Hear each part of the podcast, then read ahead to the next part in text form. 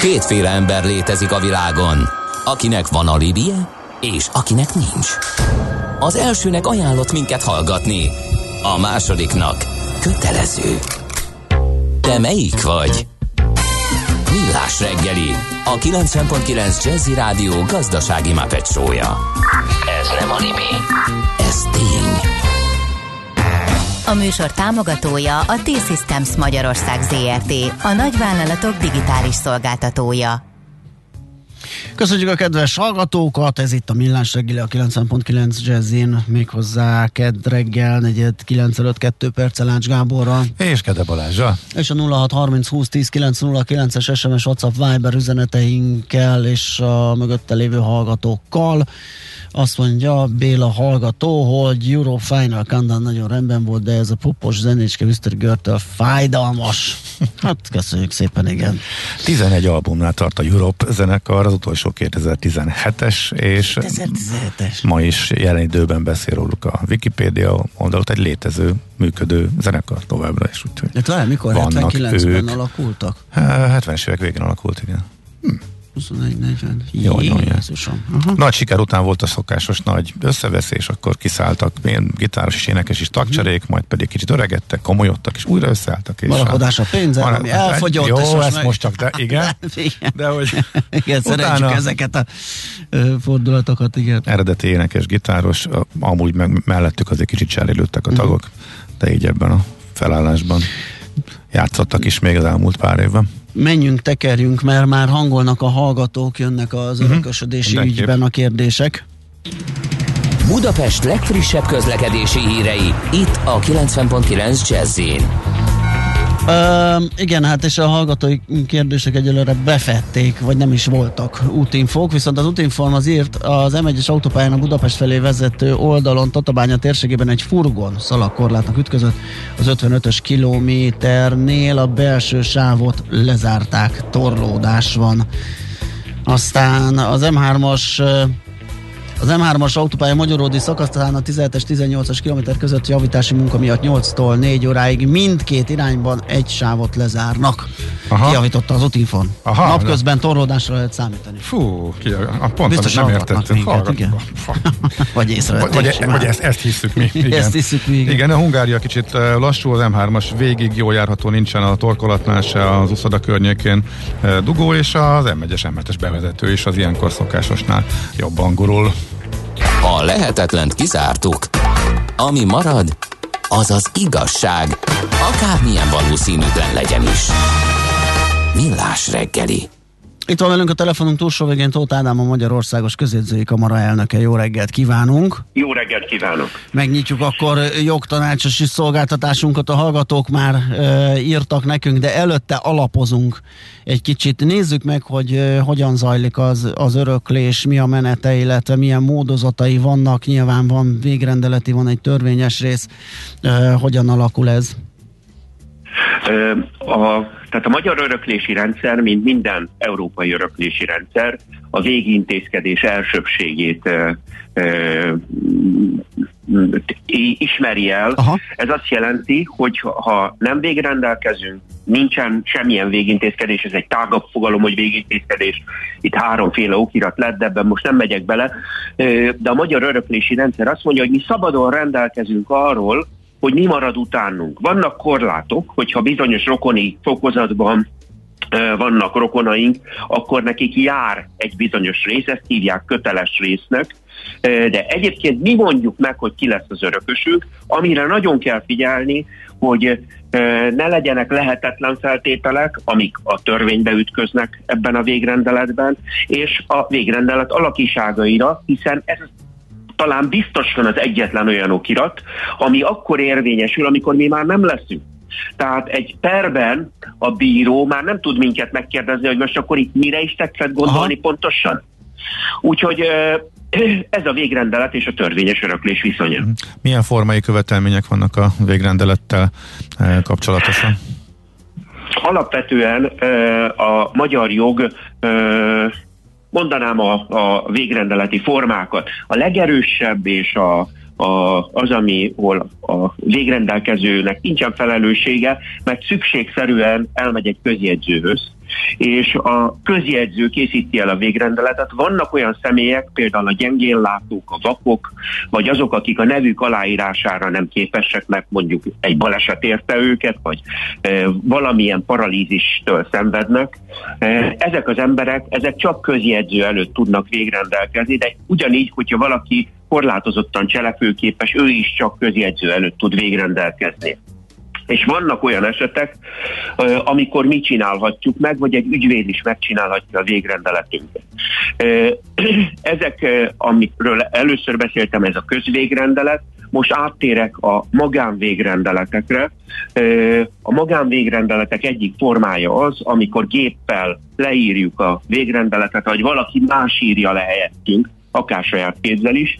Ilyen esetben két tanút kell alkalmazni, és a tanuknak minden a lapot, hangsúlyozom nem oldalt, lapot kell aláírni a végrendeletnél, és a lapokat folyamatos sorszámozással kell ellátni, illetve a keltezés idejének kell rajta lenni a végrendeleten.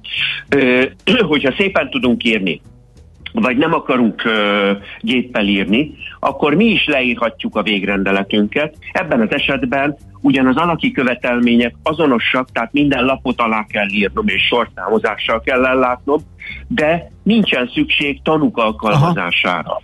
És van egy olyan eset, amikor én nem tudok szépen írni. Csak géppel tudom leírni ezt a végrendeletet.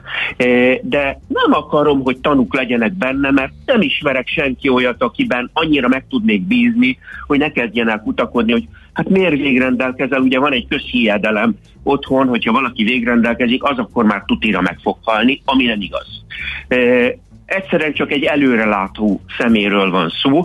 Na most, hogyha mi írjuk le a végrendeletet, de nem akarjuk, hogy tanúk legyenek rajta, akkor ezt a végrendeletet letétbe tudjuk helyezni közjegyzőnél, és éppen úgy érvényes lesz, mint hogyha tanukat vontunk volna be. Nyilván a tanuk bevonásának nincsen költsége, annak, hogy elejétől a végéig leírom otthon. Nincsen költsége, ha letétbe helyezem, ennek van költsége. És van egy utolsó forma, amiről azért mindenkit lebeszélnék, mert ezt maga a jogalkotó is rendkívüli helyzetekre találta ki. Ez nem más, mint hogy, ö, végrendel, hogy lehet végrendelkezni szóban is. De uh-huh. szóban csak akkor lehet végrendelkezni, hogyha az örökhagyó közvetlen életveszélyben van, és ez nem azt jelenti, hogy én úgy érzem, hogy közvetlen életveszélyben vagyok, ennek objektíve kell fennállnia. Tehát elütött az autó, lehet, hogy van egy belső vérzésem, akkor ott az összegyűlt bámészkodók előtt én tudok végrendelkezni. Hm. Az a lényeg, hogy a tanuk által értett nyelven kell ennek a végrendeletnek megszületnie. Az is egy feltétele, hogy ne legyek olyan állapotban, hogy én le tudjam írni, vagy, közel, vagy egy közelműködőt tudjak igénybe venni, mint egy ügyvéd, vagy egy közjegyző és ez a végrendelet a közvetlen életveszély elmúlásától számított mindössze egyetlen hónapig érvényes. Tehát, hogy ez alatt az egy hónap alatt nem foglaltatom írásba az előbb felsorolt formák Aha. valamelyikében, akkor ez hatáját fogja veszíteni. Itt két embernek kell hallani a szóbeli végrendelkezést? Két, két, Tehát ugyanúgy, mint a tanúk esetében itt is Teljes, Teljesen. Itt csak az a különbség, és attól ez egy kiváltságos végrendelet, a szóbeli végrendelet, hogy a leg legfontosabb rögzítő elemet, a papírt, azt elfelejthetjük. Uh-huh. Világos. Nézzük meg egy kicsit ezeket a, ezeket a kapcsolatokat, mint házastárs, gyerek, ö, ö, hogy itt ö, mi a helyzet. Élettárs, ugye ez nagyon fontos, és egy nagyon, nagyon rázós pontja az öröklési rendnek. De most arról beszélünk, ha nincs végrendelet, ugye? Akkor beszélünk, vagy arról beszélünk, ha nincs végrendelet, igen, pontosan. Hát akkor kezdeném azzal, hogy van egy olyan tévhit a magyar társadalomban, hogy az élettársak másfél évtized, azaz 15 év után örökölnek Aha, igen. Egyet kell megtanulnunk, az élettárs soha az életben nem örököl az élettársától. Egyetlen kivétel van, és ez pedig az úgynevezett bejegyzett élettársi kapcsolat. A bejegyzett élettársi kapcsolat az a speciális magyar jogintézmény, amit egymással azonos nemű párok tudnak létesíteni, és itt ez feltétel, hogy nem lehetnek külön neműek, mivel részükre nem lehetséges a házasságkötés, ezt az élettársi kapcsolatot anyakönyvezető előtt hozzák létre, és ez egy házastársi jellegű kapcsolatot hoz létre a két személy között, ami azt jelenti, hogy egymásnak törvényes örökösei is lesznek. De az esetek nagy többsége külön nemű élettársakról szól, és a külön nemű élettársak pedig soha nem tudnak örökölni. Honnan, honnan jöhetett ez a 15 éves legenda vajon? Én szerintem onnan jöhetett, hogy a korábbi családjogi törvényben az úgynevezett szokásos berendezési tárgyak, még ha külön vagyonba is tartoztak, tehát örököltem egy komódot, és ott áll a nappalinkban, akkor az valóban 15 év után közös vagyonná vált a házasságon belül. Uh-huh. És ezt interpretálhatta valaki, annak idején, de már egy, egy nagyon népszerű női labban is olvastam a jogi tanácsok között, hogy ez így van, a folyamat éppen. Jó, tehát itt amikor azt mondjuk, hogy nem, nem, nem örökölt az élettárs, itt a törvényes ö, mm, folyamatról beszélünk, végrendelete természetesen ez is felülírható. Végrendelettel minden felülírható. A legnagyobb probléma az, hogy úgy toljuk el a végrendeletet, ami egyébként egy komoly lehetőség magunktól, mint hogyha ez egy belépő lenne a halálhoz. Aha. Saját lassan 30 éves tapasztalatom alapján mondhatom, hogy aki nem végrendelkezik, az is meghal. A végrendelet az mindig egy biztosítékot jelent, hogy az én akaratom a jogalkotó akaratával szemben fog érvényesülni. Aha. Tehát akkor érdemes szem előtt tartani nem, nem, nem a korunkat, hanem a vagyoni helyzetünket, a kapcsolatunkat a környezetünkhöz, és ezt akkor innentől bármelyik pillanatban meg lehet alkotni, az megvan, felül lehet írni. Azokban az országokban, igen, így van. Tehát azokban az országokban, ahol ö, nem volt törés a a vagyon felhalmozásban, mint ugye nálunk azért volt egy, egy törés a második világháború után, ezekben az országokban teljesen általános, hogy valaki, akinek van egy kis vagyonkája, tehát ez alatt akár egy lakásra is, és el akar térni a törvényes örökléstől, az ír egy végrendeletet. De hát a jogalkotó is azért tette ennyire egyszerűvé a végrendelet készítést, hogy ha mondjuk egy lakásról akarok rendelkezni, és azt az élettársamra akarom hagyni, akkor én előveszek egy ívpapírt, és ráírom a végrendeletet. Tény az, hogy ahogy fogad sem húzok otthon, hogyha már bonyolultabb, vagy fogad sem fúrok és tömök otthon, hogyha már bonyolultabb élethelyzetről van szó, azért jobb szakemberhez menni. Uh-huh.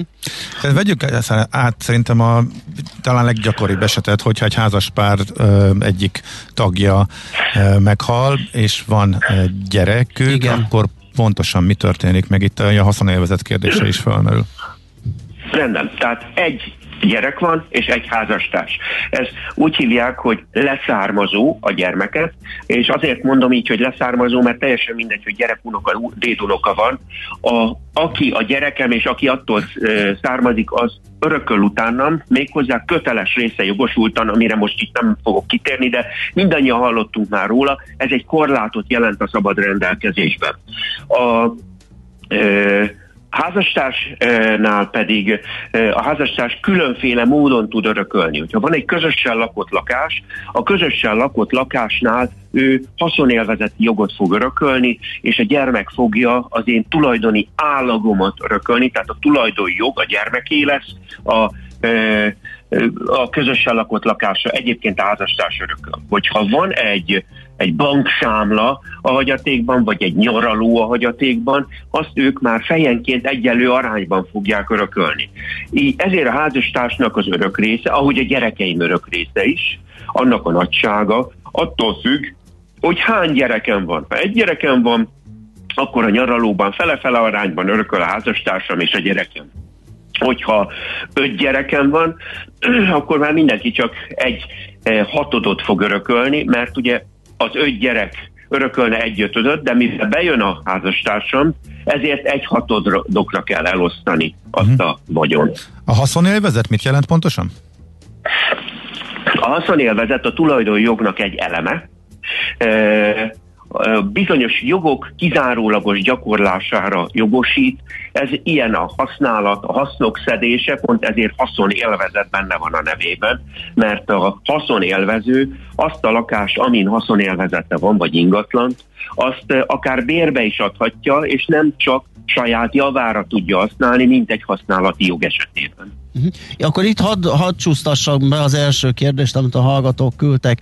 Azt írja, hogy az örökölt haszonélvezet azt jelenti-e, hogyha meghalok, de száz százalékban a gyerekem javára végrendelkeztem korábban a lakásomról.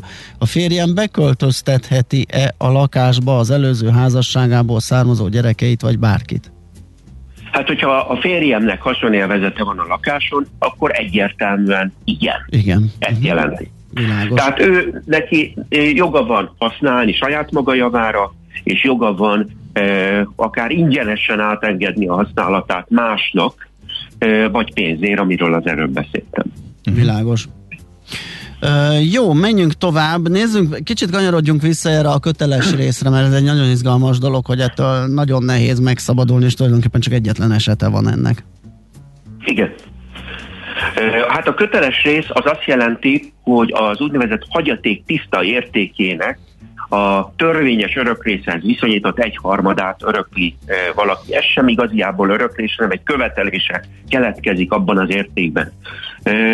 Lefordítom laikus nyelvre ezt a pontosan, de jogásziasan elmondott mondatot. Ez azt jelenti, hogy ha van egy hagyaték, akkor a temetési számlák, a hagyatéki eljárás költségének a levonása után maradni fog egy nettó érték, ezt a nettó értéket kell elosztani az örökösök között, így megkapjuk a, a, a törvényes örökrészt, és ennek a törvényes örökrésznek az egyharmada az, ami a köteles rész mértéke. A köteles rész ez, éppen most voltam egy olyan konferencián, ahol arról beszéltünk, és meglepődve láttuk, hogy szinte mindenütt Európában elsősorban pénzben kell kifizetni. Aha. Ami érthető is, mert hogyha Persze. én mondjuk egy fél ingatlan lenne az örökségem, és a fél ingatlannak a a fe, az egyharmadát, tehát az egészhez viszonyított egyhatodát öröklöm, azzal nem sokat érek, csak költségeim uh-huh, lesznek uh-huh fölötte, vagy ennek következtében. Itt a, a, a köteles résznél ez az a mérték, amit megkapok, de ezt pénzben kell kifizetni, ha nem tudja pénzben kifizetni, akkor a köteles rész megfizetésére kötelezett, és a köteles rész jogosultja megállapodhatnak akár abban is, hogy természetben kapja meg a köteles részre jogosult azt az értéket, akár egy ingatlanból, akár úgy, hogy különböző ingóságokat adnak nekik, amit nagyobb értékűek, ékszert, egyebet, és akkor azzal ezt a követelését eh, kielégítik. Egyet tudnunk kell, hogy miután ez egy követelés a hagyatékkal szemben, ezért eh, ez öt év után elévül. Tehát, hogyha valaki gondolkozik, és sokat gondolkozik azon, hogy fogja ezt érvényesíteni, hát jobb, hogyha uh, tudja, hogy ezt a jogot elveszítheti. Kinek jár a, pontosan a köteles rész? A leszármazóknak, és ezt ezért is hangsúlyozom, hogy leszármazók, tehát nem csak a gyerekemnek, vannak nyugat-európai polgári törvénykönyvek, ahol csak a gyerekemnek, unokámnak jár. Nem, nem, nem, nálunk az unokának is jár oh. a kötelesség. Jár a házastársamnak, és jár a szülőknek, nem a felmenőknek, csak a szülőknek, Aha. hogyha életben vannak. Azt azért tudni kell viszont, hogy a szülők csak akkor örökölnek, hogyha nincsen leszármazó. Tehát a leszármazó léte a szülő öröklését kizárja. A házastárs pedig a gyerek mellett is örököl, vagy a házastárs örökölhet a szülők mellett a törvényes öröklés rendje szerint. El lehet-e kerülni a köteles részt?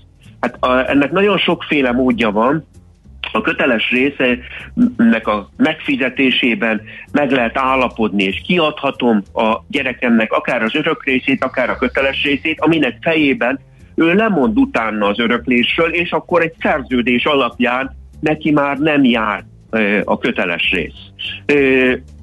De emellett van egy másik lehetőség, az úgynevezett öröklési szerződés. Az öröklési szerződés egy olyan végintézkedés, ahol az örökhagyó valamilyen pénzbeni, tehát járadékos vagy természetbeni tartás, takarítás, gondozás, ápolásért fejében örököslének nevezi meg azt a szemét, aki egyébként feltételezhető nem feltétlenül rokona, hogy ő örököljön utána.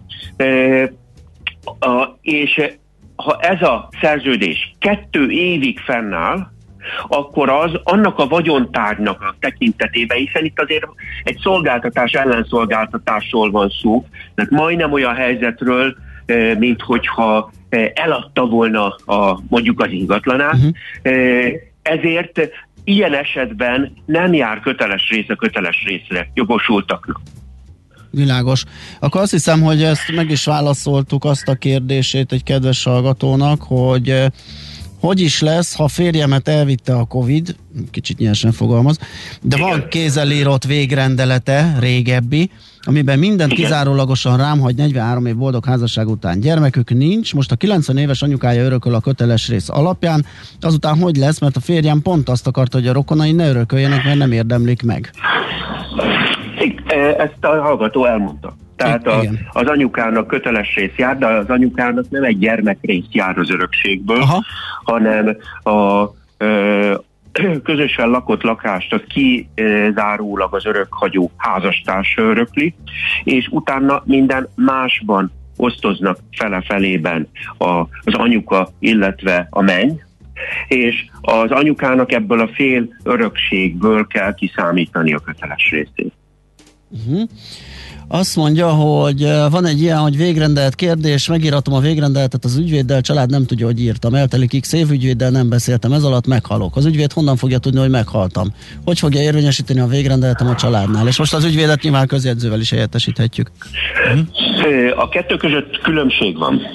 Azért van különbség, mert ugyan a közjegyzői kamara 1993 óta működteti a végintézkedések országos nyilvántartását, aminek az a lényege, hogyha közjegyzőnél készítettünk végintézkedést, akkor minden esetben, ha ügyvédnél készítettünk végintézkedést, akkor lehetőségünk van arra, hogy ebbe a nyilvántartásba bejelentsük. Magyarországon, ha valaki meghal, minden hagyatéki ügy közjegyző elő, eh, elé kerül. Amikor mi megkapunk egy hagyatéki ügyet, akkor az iktatáskor a születési dátum segítségével indítunk egy keresést a rendszerben, és a rendszer ki fogja adni, hogy itt három embernek van ezekkel az adatokkal végintézkedése. Így eh, a közjegyző elkezdi keresni az ügyvédet, hiszen be van jelentve, hogy kinél van ez a végintézkedés vagy végrendelet. Tehát e, itt van egyfajta hatósági jellegű eljárás, egyfajta hivatalos pont azért, hogyha valaki közjegyzőhöz fordul, vagy ügyvédhez fordul, és az ügyvédnél kéri, hogy kerüljön felvételre ebbe a rendszerbe a végrendelete, akkor ne vesszen el az a végrendelet. Jó, hát itt be kell zárnunk a, a, a jogi irodánkat, mert még érkeznek kérdések, nagyon izgatja a hallgatókat ez a dolog, de hát akkor azt tudjuk javasolni, hogy forduljanak vagy a kamarához, vagy rögtön közvetlenül ugye egy közjegyzőhöz, és akkor ott meg. Érdemes lesz még visszatérnünk rá. Abszolút, abszolút, igen, ez láthatóan egy nagyon izgalmas kérdés, és sokakat érint. Nagyon köszönjük, hogy beszélgettünk így az alapokról, meg egy-két példáról. Nagyon hasznos volt. Szép napot kívánunk! Köszönöm, viszont Minden kívánok jó. önöknek és a hallgatóknak is. Viszont hallás. Tóth Ádámmal, a Magyarországos Közjegyzői Kamara elnökével beszélgettünk örökségről, végrendeletről. Műsorunkban termék megjelenítést hallhattak. Aranyköpés a millás reggeliben. Mindenre van egy idézetünk. Ez megspórolja az eredeti gondolatokat. De nem mind arany, ami fényli. Lehet kedvező körülmények közt gyémánt is. Rátvég István, magyar jogász, művelődés történész szakíró született ezen a napon 1870-ben, ráemlékeztünk az adás elején is, és most is azzal, hogy őt idézzük. Azt mondta egy alkalommal, a kulcspozíciókat ritkán bízzák lakatosokra. Azt hiszem ez ilyen politikai, kormányzati E, hát ez egy, megfigyelés, egy vagy, egy vagy ott lenne ideális. egy hogyha- letűnt korból. De ha gázterelővel behelyettesítette Igen. volna, akkor lehet, hogy már még viccesebben hangzana manapság. Abszolút. Aranyköpés hangzott el a millás reggeliben. Ne feledd, tanulni ezüst, megjegyezni arany. Nos, megyünk tovább. Digitalizáció a gyógyszeriparban a témánk. Vereckei Péterrel, Pfizer Magyarország ügyvezető igazgatójával váltunk ez ügyben pár szót. Jó reggelt kívánunk! Jó reggelt kívánok, és köszöntöm a hallgatókat is. Na hát minden területet áthat a digitalizáció, többé vagy kevésbé, de mindenhol ott van. Ugye legutóbb pont az építőiparral beszélgettünk, vagy arról beszélgettünk, hogy ott kicsit lemaradóban van, de már ez sem igaz, mert már jönnek föl a PropTech cégek jobbnál jobb ötletekkel, találmányokkal. Hát azt gyanítjuk, hogy a digitalizáció a gyógyszeriparban az viszont már jelen van a kezdetektől, és egyre jobban hasít, big data, mesterséges intelligencia, deep learning, gondolom mindent igénybe lehet Okos venni. gyógyszer. Okos, okos De gyógyszer. ez, már, például, ez kérdőjel volt, tehát itt azért hol tartunk, hol a határ. Igen, igen, igen. Hát én azt gondolom, hogy a, a, a 20. század nagy áttörés a számítástechnika fejlesztése volt, és a digitalizációnak az előretörése, és talán a 21. században most láthatjuk majd a biológia és a digitalizáció találkozásának az inflexiós pontját, és hát valóban a gyógyszeripar számára több ilyen nagyon fontos terület van, ahol, ahol nagyon nagy hasznát vesztük a, a digitalizációnak. Az egyik az a korai gyógyszerkutatás, a másik, ugye a múltkor is beszélgettünk a klinikai vizsgálatokról és azoknak a hatékony végzéséről, a harmadik ilyen terület pedig a, a, a gyógyszereinek a valós életbeli hatékonyságának a mérése, és hogy, hogy, hogy miért olyan fontos ez, hogy gyorsítsuk a, a, a gyógyszerkutatást, erről a múltkor talán röviden beszéltünk, hogy horribilis összeget költ a gyógyszeripar globálisan kutatás fejlesztés, ugye kb. 15%-át a bevételeinknek, azonban a nagy kérdés, hogy kellően hatékonyan végezzük-e ezt, és hogyha hát ha önkritikusak vagyunk, akkor ebben még van hova fejlődni, hiszen ezért egy olyan átlagosan 10-12 év egy gyógyszernek a törzskönyvezésig történő eljuttatását, amíg eljut az emberekig, és hát elégetünk rá 2,6 milliárd dollárt átlagosan.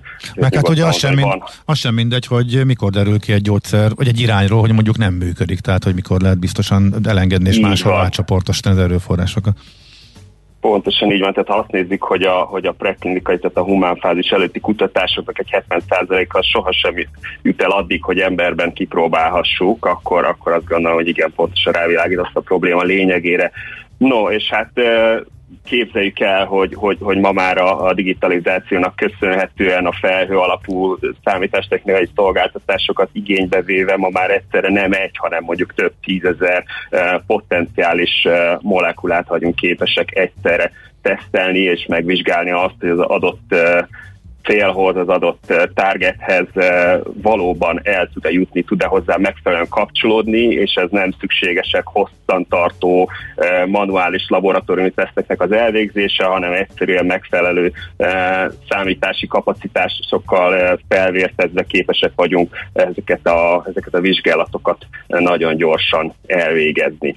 Ugye képzeljük el azt, ez egy, hoznám ezt a kulcs és zár analógiát, hogy, hogy, hogy elénk borítanak tízezer darab kulcsot, de csak abból csak egy lesz jó majd abba, a zárba, amire nekünk szükségünk van, és ehhez képest az óriás eh, fehérje molekuláknak egy nagyon komplex háromdimenziós szerkezete van, és ehhez megtalálni a megfelelő kulcsot, az rendkívül időigényes, tehát itt tud a digitalizáció egyértelműen segíteni. Aha, ezek Másik ilyen Igen, igen. Parancs. Egy másik ilyen, ilyen, ilyen, ilyen példa talán, amely ma is így a, ma már előtérben van, hogy ugye nem csak adott molekulák kapcsolódását nézzük, hanem nézzük azt, hogy egy három dimenzióban az adott szövetben mi lesz majd a kiváltott hatás. Ebben például a 3D nyomtatás az, ami ma a látóterünkbe került, hiszen képesek vagyunk mondjuk e, mesterséges szövetvázakat nyomtatni 3D technológiával, ebbe beleültetni a vizsgálandó sejteket, és a hozzáadva ugye a reménybeli e, gyógyszerjelöltünket, meg tudjuk nézni, hogy ezek a sejtek hogyan e, működnek egymással a gyógyszer hatására. Hú, ez nagyon keményen hangzik. Üm, van, van, tehát érzékeljük igen, hogy, hogy óriási a hasznossága és, és az előnye a digitalizációnak a gyógyszeriparban, de van olyan konkrét példa, ami olyan nagyon látványos, amit így elő lehet most hozni, hogy üm, ami jól szemlélteti, a, a, mondjuk nem az lett volna az eredmény, vagy nem olyan úgy lett volna eredmény, hogyha nincs Vagy nem annyi idő alatt Vagy nem annyi idő volna. alatt, igen, igen. Hát igen, én azt gondolom, hogy talán egy kicsit kézzelfogható, gyakorlathoz közelebb álló példákat hozzak az előbb ilyen kis elméleti példák után. Az ugye a klinikai, humánklinikai vizsgálatokban jól, jól látható. Tehát, hogy eddig mi történt, hogy ott volt a vizsgálati protokoll, hogy majd három hónap múlva el kell, hogy menjek az orvoshoz, hogy megnézze azt, hogy az adott, beadott gyógyszerjelöltünk okozott-e valamilyen változást az állapotomban. Itt ma már ugye a viselhető szenzorok, a, a, a, a mobil diagnosztikai eszközöknek köszönhetően ma már nem szükséges személyesen megjelenen, tehát akár úgymond virtuálisan, vagy félig virtuálisan el lehet végezni egy, egy klinikai vizsgálatot, mondjuk egy olyan betegséget, mint a Parkinson-kor, ahol a testemre rögzített szenzorok a vizsgálati központba küldik a jeleket arra vonatkozóan, hogy hogyan változott meg mondjuk a mozgásom, érzékelhető valami javulás, vagy vagy éppen rosszabbodás, és ez nem szükséges kivárnom azt az időszakot, amikor csak egy adott időpontban fogják majd átni, hogy éppen mi van velem, ehhez képest pedig longitudinálisan folyamatosan áramlanak a, a, az adatok a, a, a vizsgálati készítményről, és nyilván ezeknek a feldolgozása, ezeknek az információknak a feldolgozása, és ugye igen komoly e, számítástechnikai e, erőforrásokat igényel. Uh-huh. És akkor gondolom hasonló, hogy a lekövetésben is, amiről beszéltünk. Egyrészt ugye, hogy minél hamarabb kiderüljenek, hogy milyen arányban vannak már mondjuk tömeges használatnál a bevezetés után mellékhatások, gondolom ott is azért fölgyorsítja ezt a meg hogy nagyobb adatmennyiségből lehet talán pontosabban következtetni, ugye? Így van, pontosan, tehát ugye ma már így a, az elektronikus egészségügyi adatbázisok egy, egy, egy hihetetlen adatvagyont jelentenek, egy óriási értéket, amelyeket megfelelően elemezve jól be tudjuk azonosítani. Azt például, hogy, hogy mely betegpopulációk esetében hasznosult a legjobban a gyógyszer, milyen egyéb egészségügyi beavatkozások történtek, amelyek esetleg befolyásolhatták volna a kimenetet. Ez, ez fejlesztési szempontból is fontos információ, később pedig finanszírozási oldal is egy fontos szempont, hiszen jobban tudjuk majd beazonosítani azokat a betegcsoportokat, ahol a legjobban hasznosul ez a terápia. Hogy, hogy, hogy ennek a jelentőségére rávilágít, csak azt gondolom, hogy most így a, a, a COVID idején jól láthatóvá vált, milyen fontosak ezek a nagy valós életbeli vizsgálatok, hiszen nagyon hamar tudtunk például a vakcinák hatékonyságáról, hosszú távú eredményességéről, nagy populációkon adatokat szerezni, és nem pedig éveket kellett várnunk arra, hogy, hogy eldőljön azt, hogy, azt, hogy mennyire tartós, mennyire uh-huh. biztonságos egy adott technológia, az ez is egy nagyon kézzelfogható mai példa. Van, van arra remény, hogy akár a digitalizáció hozhat áttörést olyan eddig nem sikeres kutatási területeken, amelyek még várattak magukra, hogy eredményt produkáljanak? Én azt gondolom, hogy, hogy, hogy a jövő az a, az a, az a gén technológiája, ma, ma erről nagyon sokat beszélünk, és, és, és, és azt gondolom, hogy itt óriási áttörések várhatóak a közeljövőben, eh, ahogy, ahogy jobban megértjük eh, a, a, a génekben rejtett információt, amelynek a feldolgozása szintén eh, ugye rendkívül összetett és irgalmatlan információ halmazról beszélünk. Hát ma egy olyan 1000-1200 olyan eh, vizsgálat eh, zajlik folyamatosan, amely kifejezetten ugye ritka e, genetikai öröklődéshez vagy genetikai okokra visszavezethető e, betegségek e, terápiáját kutatja, tehát eljuthatunk majd oda, hogy, hogy mondjuk ahhoz képest, hogy mondjuk jól tudjuk stabilizálni egy, egy beteg állapotát, vagy nem romlik tovább az állapot, ehhez képest definitív gyógyulást tudunk hozni bizonyos esetekben. Jó, hát rajta lesz a szemünk a digitalizáció és a gyógyszeripar kapcsolatán. Nagyon köszönjük, hogy beszélgettünk ezekről a területekről. Szép napot kívánunk! Nagyon szívesen megköszönöm a lehetőséget. Mindent viszont hallásra. Vereckei Péterrel, a Pfizer Magyarország ügyvezető igazgatójával beszélgettünk. Közben azon gondolkodtam, hogy azért ebből még lesz feszkó, hogyha mm, itt a géntechnológiának köszönhetően még tovább fogunk élni, és ugyanilyen mértékben gyarapodunk is. Um, kevés lesz a hely. Hát ez egy nagyon hosszú távú hatás, igen. igen, Érdemes lesz rajta elgondolkodni, igen. ha valóban így van, ez kétségtelen. Innen oda, ezt ennyiért, onnan ide, azt annyiért, Aha! majd innen oda ezt, és vissza azt. Emennyiért közben bemegyünk oda azokért, és átvisszük amoda. Amennyiért, mindezt logikusan, hatékonyan, érted? érted? Ha nem, segítünk. Észjáték, a millás reggeli logisztika rovata. Együttműködő partnerünk a Real Cargo Hungária. Minőség, megbízhatóság, biztonság a vasút logisztikában.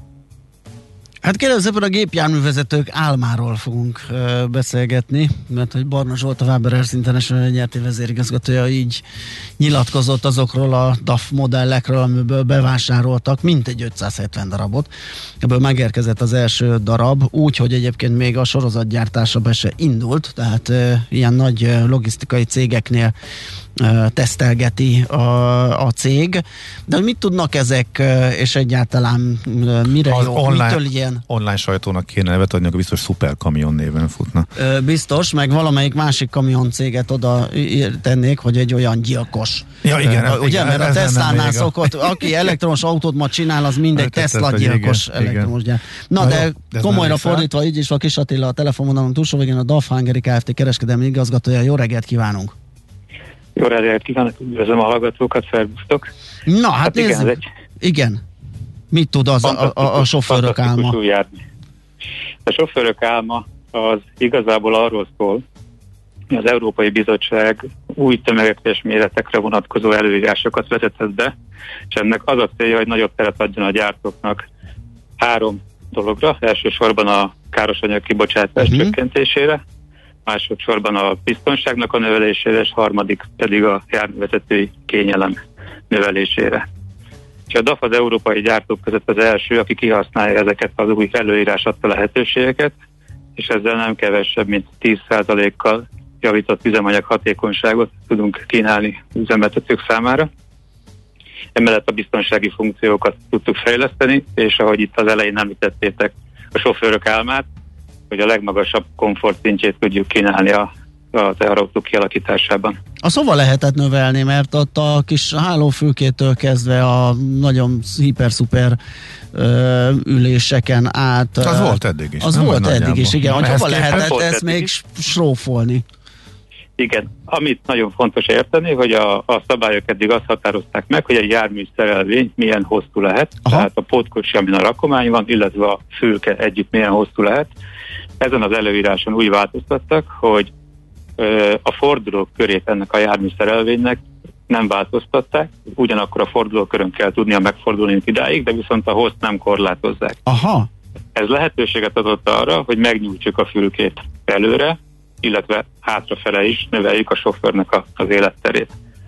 Azzal, hogy előre megnyújtottuk a fülkét, azzal egy ég alakot sikerült kialakítani, és jelentősen sikerült a légellenállást csökkenteni, amivel az üzemanyag hatékonyságot Aha. tudjuk fokozni. Hú, akkor ez úgy néz ki, mint a szupervonatok, hogy ilyen csőrössé válik az eleje a járműnek? Hát első ránézésre nem látszik, de valójában igen. Itt a légellenállás csökkentésénél mindent bevetettünk, amivel gyakorlatilag a turbulens levegőt meg lehet szüntetni, és minden olyan káros ellenállást le lehet csökkenteni, ami a üzemanyagfogyasztás kárára lenne. Ugye idáig láttátok, hogy ahhoz, hogy egy sofőr kényelmesen elférjen egy fülkébe, az gyakorlatilag egy dobozt kellett rátenni a, az autóra, hogy a raktér méretéből ne vegyünk el, de a sofőrnek megfelelő életteret tudjunk biztosítani, uh-huh. és ez tolta a levegőt maga előtt, ami nem volt hatékony. Ezen az új szabályok bevezetésével lehetett változtatni, és ahogy említettem, ezzel összességében 10%-kal javítani lehetett a üzemanyagfogyasztást és a hatékonyságot. Uh-huh. Um, ugye említettük ezt, hogy ez egy 570 darabos beszerzés része az 5 darab, ami most érkezett. Ez az 570 nekem bazisoknak tűnik, de alapvetően ez mit mond ilyen mondjuk európai összehasonlításban? Hát az 570 ez azt jelenti, hogy ha a magyar piacot tekintsük, akkor ez kb. a 12%-a a teljes magyar Üsz. piacnak ez az egy beszerzés. Az 570 egyébként is egy nagyon nagy szám, ugye a DAF-nak kimondhatom nyugodtan a 2022-es évi legnagyobb megrendelése ez a volumen, uh-huh. és ugye a Waber csoport a flottáját tekintve a tíz legnagyobb fuvarozó vállalat között van Európában. Uh-huh. Az nagyon klassz, ugye, mert ha jól tudom, a, akkor, hát nem jól tudom, nem tudom, hogy ezzel vagy enélkül olyan két éves az átlag életkora a járműveknek a Waberersnél, de nagyon fiatal az állomány. Igen, hogyha ezek a járművek üzembe állnak, akkor, akkor körülbelül Ak- Akkor csak igen. két évre. És mennyi az élettartamuk egyébként ezeknek a járműveknek, hogy ez, ez most hogyan alakul, tehát mennyit várhat, mennyit futnak, mennyi vár, mennyit várnak tőlük a, az üzemeltetők? Hát egy, egy ilyen egy ilyen nyerkes vontató az éves szinten a 120 és 140 ezer kilométer között fut. Élettartam szempontjából ö, nemzetközi forgalomban 3-4 éves koráig futnak a járművek, belföldi forgalomban 6-8 éves koráig szoktak futni. Tehát nagyságrendileg 1 millió kilométeres élettartammal tervezik. Tehát a nemzetközi után még át lehet állítani őket belföldire? Így van, igen, rövid távú fuvarozásra. Aha. E, ugye itt két típust is olvastunk a, a sajtóközleményben, az XG és az XF. Mi a különbség köztük?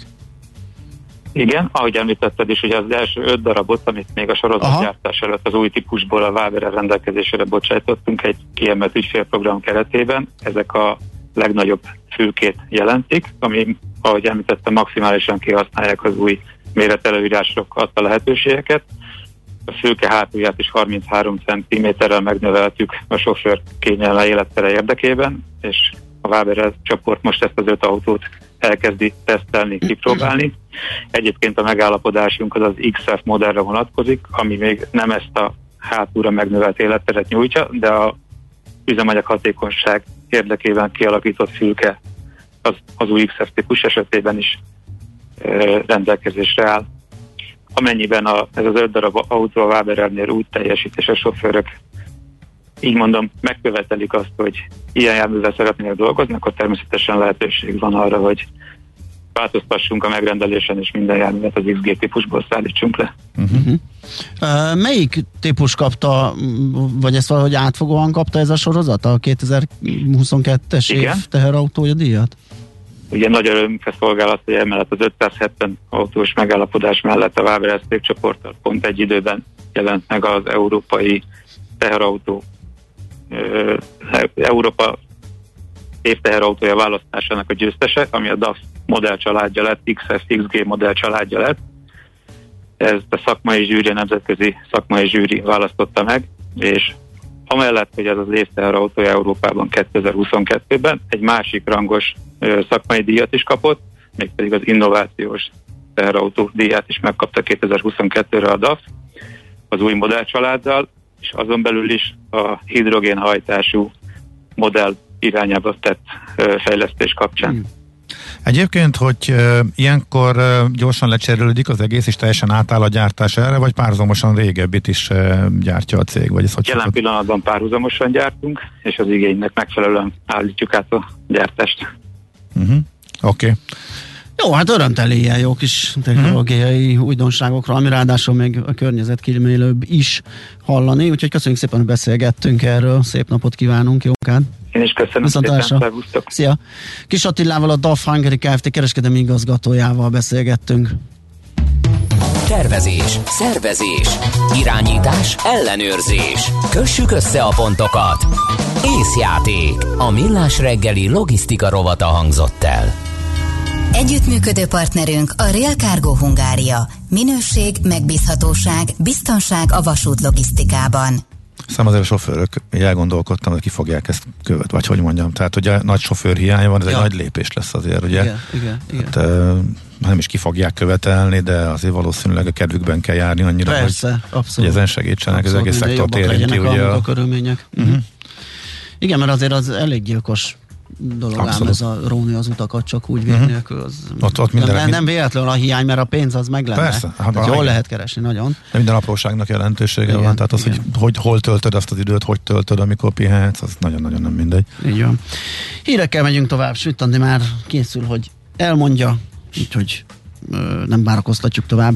És Katona Csabát is már látom a monitoron, igen, már bejelentkezett, úgyhogy Mesél nagy szeretettel várjuk, hamarosan kezdődik a Mesél a múlt rovatunk. Ki is lesz benne? Mi is lesz benne? Hát kérlek szépen uh, Andrási uh, Gyula Gróf. Uh, Az szá- utolsó magyar nagypolitikus címmel. 150 évvel ezelőtt uh, lép le a posztjáról és gyakorlatilag ő az mm, osztrák-magyar monarchia közös utolsó minisztere. Műsorunkban termék megjelenítést hallhattak.